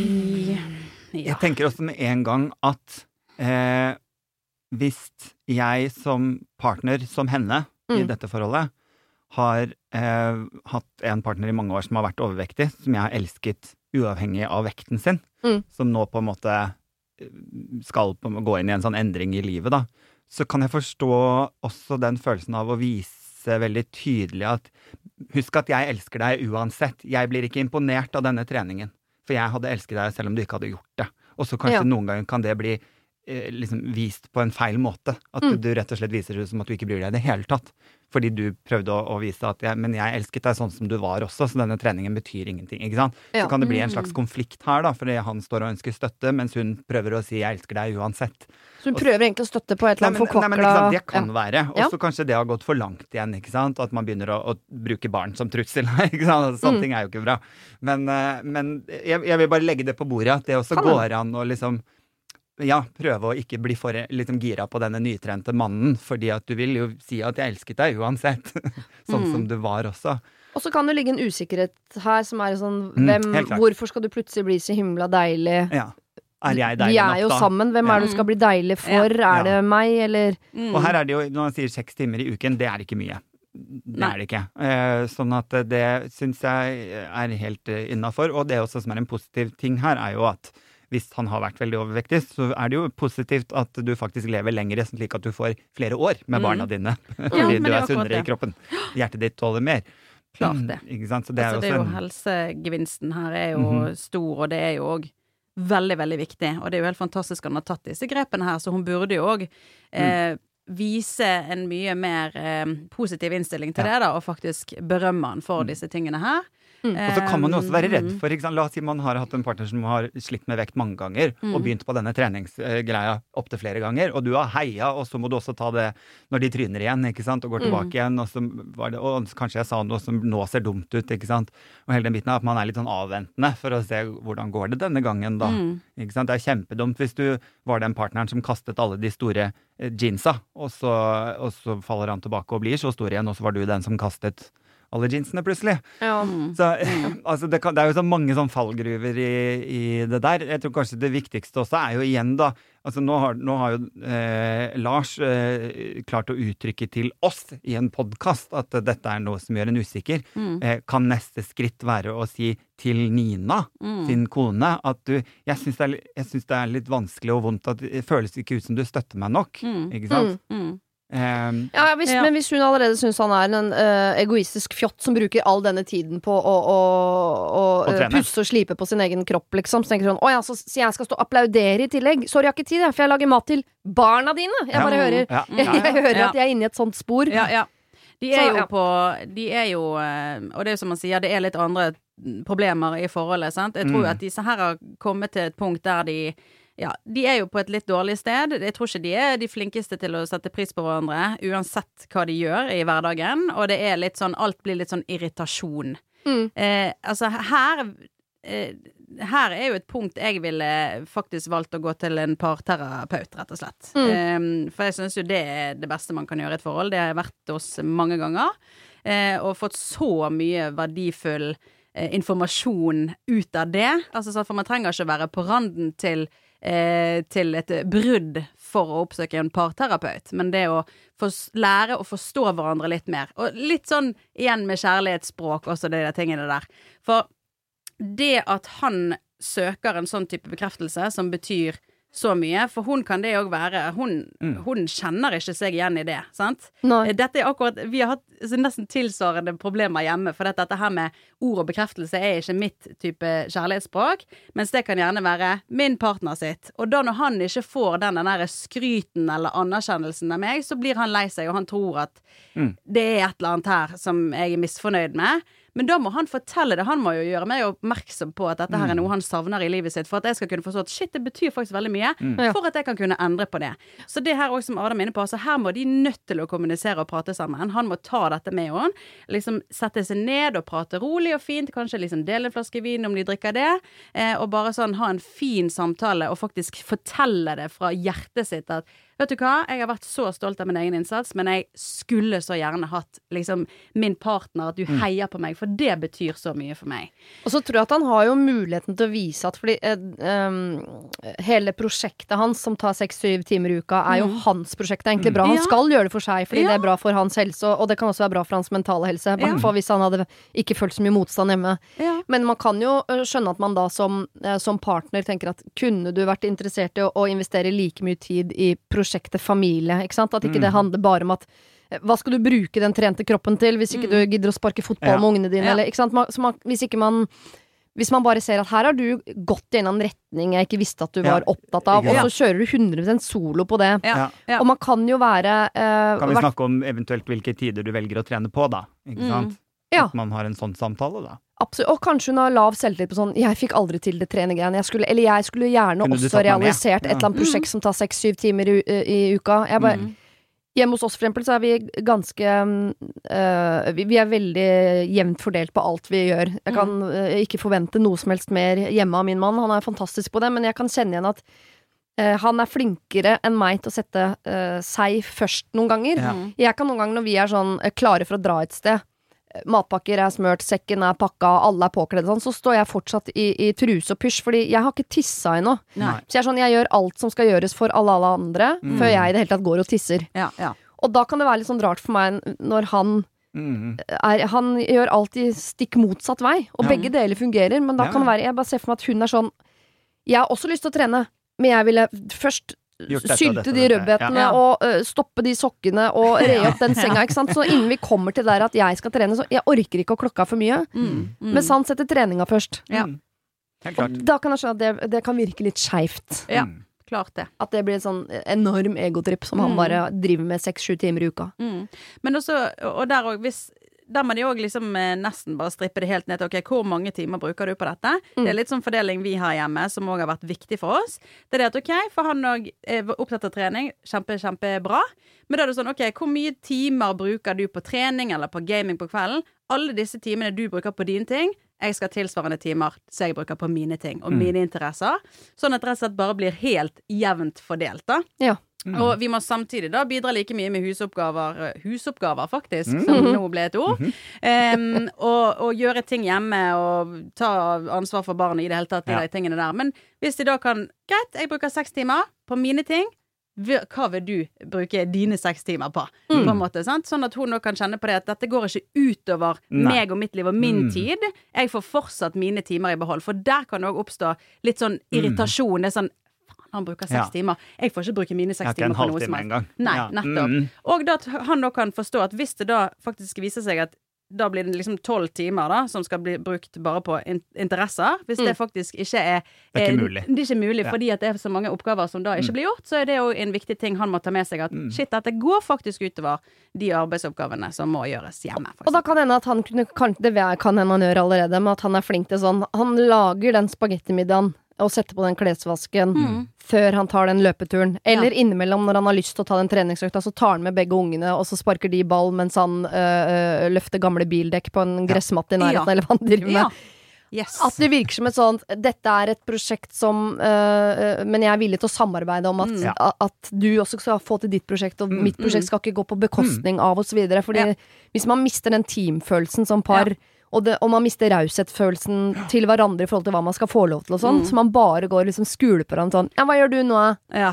Når skal jeg få gjøre mine tinga? Mm. Da er det så skakkskjørt, ass. Ja, men, og, og da kan man liksom virkelig gå og si du har seks timer, jeg har seks timer. Altså Da virkelig få det så stort på hvitt, da. Ikke Mm. Ja. sant? At man lager en avtale, da. Mm. Ja, for noen ganger trengs Ja, ja. faktisk det, da. Mm. Også for å bevare det der. For det som du sier, eh, hvis rausheten forsvinner og man bare er irritert på den andre, så er det jo Ja. Da har du kommet til et Vanskelig. eh, skikkelig veiskille, altså. Eller Kanskje tre av de treningstimene hadde vært at dere to begynte med fjellklatring. Ja. Ikke sant? Så dere hadde en felles greie på Ja. det. For jeg, ja. Jeg tror ikke han nå, etter seks-syv timer med, på helsestudio, skal gå hjem til kona uh, mens han står og Nå setter jeg i bås, altså. Jeg er veldig glad i det. Blander seg en deilig proteinshake og sier sånn jeg, 'Jeg føler ikke at du støtter meg nok.' Så blir jeg sånn Nei, vet du hva, det, det føler jeg at du gjør for mye, så det orker ikke jeg også, så de greiene dine. Så det igjen, vi har snakket om det før i den podkasten, at eh, ta det fra en litt annen vinkel. Mm. Vis at du er opptatt av vi som team skal få Mm. til at alle får blomstre. Mm. Ja. Vi må være rause. Hva har du lyst til å bruke din tid på? Mm. Ikke bare 'jeg vil gjøre dette', og så vil jeg at du skal klappe samtidig. Ja. Det går ikke. Nei, det går ikke. Må gjøre deg grusom. Lars. Ja. Det er skilsmisse. Det, det er dit jeg går. Nok en gang. Nok en gang. Skilsmisse, det er liksom løsningen på det Alt. Det kan hende det er løsningen i den siste problemet vi skal til også. Oi. -hmm. uh, men uh, ikke en sånn type skilsmisse. Hei, jeg har et lite problem. Jeg trenger hjelp. Min beste venninne, kall henne Kari, og jeg har vært venner siden barnehagen. Vi har opp gjennom åra gått i samme klasse, spilt håndball sammen, flytta til samme studentby, reist, opplevd utrolig mye sammen. I år blir vi begge 30, og vi er i samme livssituasjon. Vi har begge samboer eller ektemann, enebolig, fast jobb, ønsker oss familie. Jeg ble gravid veldig fort, mens Kari prøver fortsatt. Hun har slitt med angst og depresjon i mange år, og hun er eh, nå inne i en litt dårlig periode igjen. For første gang har jeg begynt å legge merke til at Kari er en ganske negativ person. Andre folk har kommentert dette opp gjennom åra, men jeg har aldri opplevd henne eh, på denne måten, i hvert fall ikke så sterkt som nå. Alt i livet er galt, og katastrofe, og feil og urettferdig. Jeg bruker tid og energi på å trøste henne, komme med råd, men hun tar aldri rådene til seg, og slik fortsetter det som en ond sirkel. Gå til psykolog, sier jeg, og hun sier at det har hun prøvd. Gå deg en tur, mens hun sier det regner. Prøv å snakke med samboeren din. Han er bare sur. Og sånn fortsetter det. Til og med ektemannen min sier at han kan merke når jeg har hengt med Kari, fordi han syns at negativiteten hennes smitter over på meg, og han har aldri likt Kari så godt, fordi han syns at hun er slitsomt negativ. Og dette ser jeg jo nå. Jeg har andre venninner som er gravide og som har barn, som jeg henger mer med nå, og jeg merker at jeg får en helt annen energi etter å ha hengt med dem. Så hva gjør jeg? Kari er min eldste venninne og en fantastisk person i sine gode perioder, selv om hun alltid er litt negativ. Igjen så har hun disse dårlige periodene der jeg føler at hun tynger meg med ned sammen med henne. Hilsen Mathilde.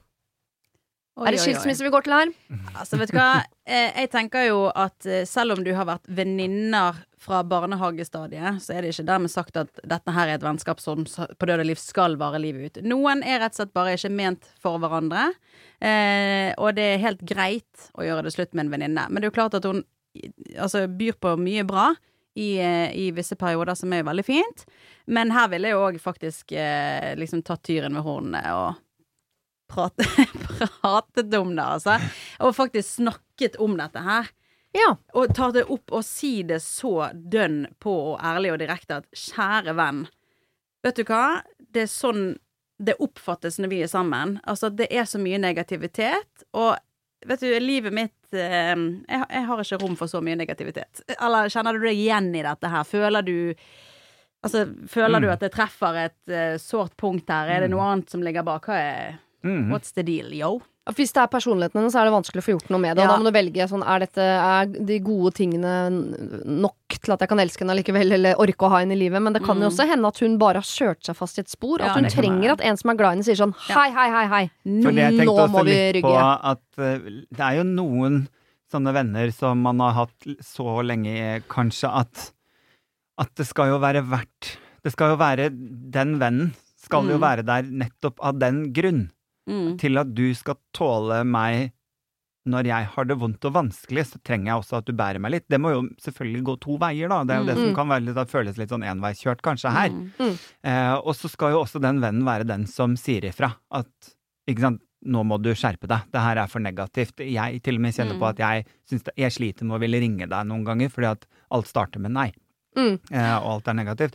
Så, så du må jo også stole på at den vennen som skal løfte deg når du er nede, også kan si fra når, når du må endre deg, da. Ja. Og det må man jo tåle. Ja, det det er ikke alltid så, så enkelt. Men det så, så ja, man kan jo være egoistisk og si at kanskje skilsmisse er det beste for meg her, men Mm. samtidig, den vennen jeg lener meg på mest i livet, som ikke på en måte skal ta ut skilsmisse, er jo kanskje den barndomsvennen da, som har Mm. kjent meg lengst. Mm.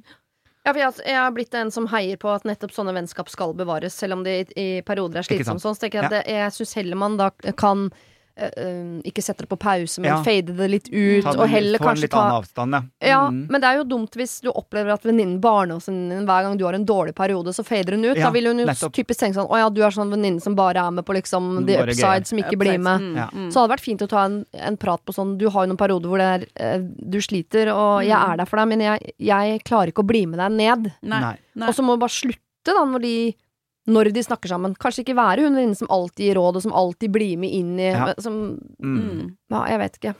Ja, det er vanskelig, for hun er jo tydeligvis såpass negativ òg at det merkes fra alle andre, og Mm. partner eller ektemann, eller om de var gifte, eller hva det var. Mm. Og at, eh, at det er så tydelig, da. Da har hun jo en virkelig en negativ energi. Jeg kan si at jeg har vært i denne problemstillingen. Ja, Ja. har du det, ja? Mm, ja. Med, med nær person, som, eh, som da har på en måte Man måtte ta den praten, rett og slett. Mm. Og der også, jeg husker det jeg var litt inne på, var å prøve liksom Men kan vi finne noe du blir veldig glad av? Kan vi Mm. finne en slags motpol i livet ditt? Mm. Eh, og så må du komme på det, da. Mm, mm. For du, nå får du ikke lov til å si nei og alt er kjipt og kjedelig. Nå må du finne hva blir du glad av. Og Ja. hvis det er en tankeprosess som kan vekke noe i deg, så Ja. ta den. Det er det verdt, liksom. Fordi vi er flere rundt her nå som, som syns dette er veldig vondt og vanskelig. Og det er vanskelig å se på at noen behandler sin partner dårlig òg, ikke sant? Mm. Eh, og negativt hele Ja, ja, ja, tiden. ja. At det blir et slags angrep. Så det blir ubehagelig å være i samme rom, til og med. Så, så det er en prat man måtte ta, og det var flere som, som gikk inn og, og på hver sin kant, da. Ikke samtidig, men som sa at nå, nå, Nå er du veldig liksom- negativ, og hva kommer det av? Og det er en vanskelig balanse også, for man skal jo nettopp være den vennen som støtter og som blir med og Nei, Nei, det er bra. Også, men samtidig skal man jo være raus nok til å faktisk være den vennen som, som gir en sjanse. Som sier Ja. sånn, vet du hva, nå, nå er du så negativ at jeg vet ikke om jeg, Orker. om jeg orker. Mm. Så jeg må, vi må finne liksom et eller annet som ikke er så negativt Mm. sammen, sånn at hun, kanskje hun venninnen ikke, ikke merker det engang. Bare Nei, nei. Det er for de merker det ikke selv. Det kan jeg si høyt. Ja, det kanskje hun de ikke. tenker at det er humor. Ja, de aner ikke. Ja, men det er det, og det er en sånn gammel tralt, liksom, sant? som er et, et vondt mønster som de bare låser helt fast i. Mm. Men det å, å ta den praten, det må hun jo bare gjøre, og si det på en så varm og fin måte at vet du hva, ja, du er jo den personen som står meg nærmest, jeg er mm. så glad i deg. Og derfor så må jeg ta opp et par ting med deg. Mm. Og fordi at jeg bare ønsker det beste for deg og for meg og for vårt vennskap. Og for at vi skal liksom ta dette vennskapet til nye høyder, så Mm. trenger vi å snakke om disse tingene her. Og hvis man føler at man har gjort det, så Mm. er det selvfølgelig helt lov å skille seg med venner man ikke har noe godt med. Mm. Ikke sant? Det er også helt lov hvis det kommer dit, men da tror jeg hvis vennskapet har såpass lang historie, så er det verdt å ta den runden Ja, først. absolutt. Og da er det i hvert fall lov, eller da tipper jeg det blir lettere både for samvittigheten, Mm, eller også å si fra sånn Vet du hva, eh, nå, du husker den samtalen, nå trenger jeg en pause. Ja, Ja. Nå blir det for mye for meg, og så Da ringes er vi det lov når å du si det fordi ja. du tok den praten. Ja, og de kan faktisk ikke skilles uten denne samtalen, så den blir superviktig for veien videre, altså. Ja. Veldig viktig. Jeg mener egentlig det er en fin sånn uh, råd til alle, om det er i kjærlighet eller vennskap eller hva det måtte være. Det er faktisk ikke lov til å gå rett i brudd uten å si fra om de tingene som gjør at du har lyst til å gå i det bruddet. Fordi dette har jeg sagt til mannen min nå ganske strengt. Hvis det er noe med meg du ikke liker, så du får ikke lov til å gå fra meg Nei, hvis ikke det er ting du har gjort meg oppmerksom på. Nei, klart det. Eller skal man klekke ut en veldig langsiktig, ond plan? Eh, bruke en tre-fire år. Ja, ja. Er dette en plan som inneholder eh, gift rørt ut i drink? Og, og tenk på det at her må vi òg, hvis vi tenker litt på denne venninnen som er så negativ sant? Hun har slitt med å få barn, hun blir ikke gravid, hun føler at hele verden raser sammen Ja. rundt henne. Alle blir gravide, alt er vondt. Og da er det klart at da er det veldig vanskelig å finne lysglimtet i livet. Og det er uansett verst for den som har det negativt hele tiden og har det, og er så negativ som menneske, tror jeg. Så det at hun møter henne med åpne armer og er varm og raus, jeg tror blir kjempeviktig her. For det er jo som sagt hun eh, negative vennen som har Har en del eh, onde demoner, kanskje, som hun sliter litt med. Men ikke vær sånn irriterende sånn som jeg lærte med når man skal snakke med babyer. Som er når babyen gråter, så henter du rangla og gjør sånn foran fjeset for at babyen skal bli blid. Det, det er bare irriterende. Nei, du må speile, du må bli med inn i følelsen til en viss grad, og så må du dra de ut igjen med en positiv følelse. Så uh, prøv på det. Ikke, ikke vift med ringla, rangla foran ansiktet til venninnen din, men ta en prat med henne. Se om du kan endre kurs sammen med henne, og så gjør det det lettere for deg da i etterkant å si fra de gangene hvor du trenger en pause. Kristin og Adam, eh, fantastisk å ha dere på besøk, som alltid. Jeg fortsetter å følge dere i sosiale medier. Eh, Deg som katt, Adam, Takk. og deg nå også som interiørguru. Du må bare gi beskjed hvis du vil ha en eh, vegg malt. Altså, jeg maler. Jeg er sykt rå på maling. Så jeg har startet eh, mitt eget eh, malefirma. Det gjør jeg nå. Jeg Ja. kan begynne å male for deg. Siri, Jeg, jeg trenger deg uh, AFAP, som Ja. jeg liker å si, men jeg, det blir ikke rosa. Gi deg. Kanskje, Lilla, da. Kanskje gult. Ja, Lilla er den styggeste fargen jeg vet om. Fineste fargen. lilla. Nei, vet du hva, men gult. Gult. Jeg, jeg har et spann. Et ekstra spann Ja. hjemme. Det har du likt. Lørdag, da. Det var det. Husk å sende ditt problem til siri at radionorge.no om du vil ha hjelp. Denne podkasten er produsert av Klynge for Bauer.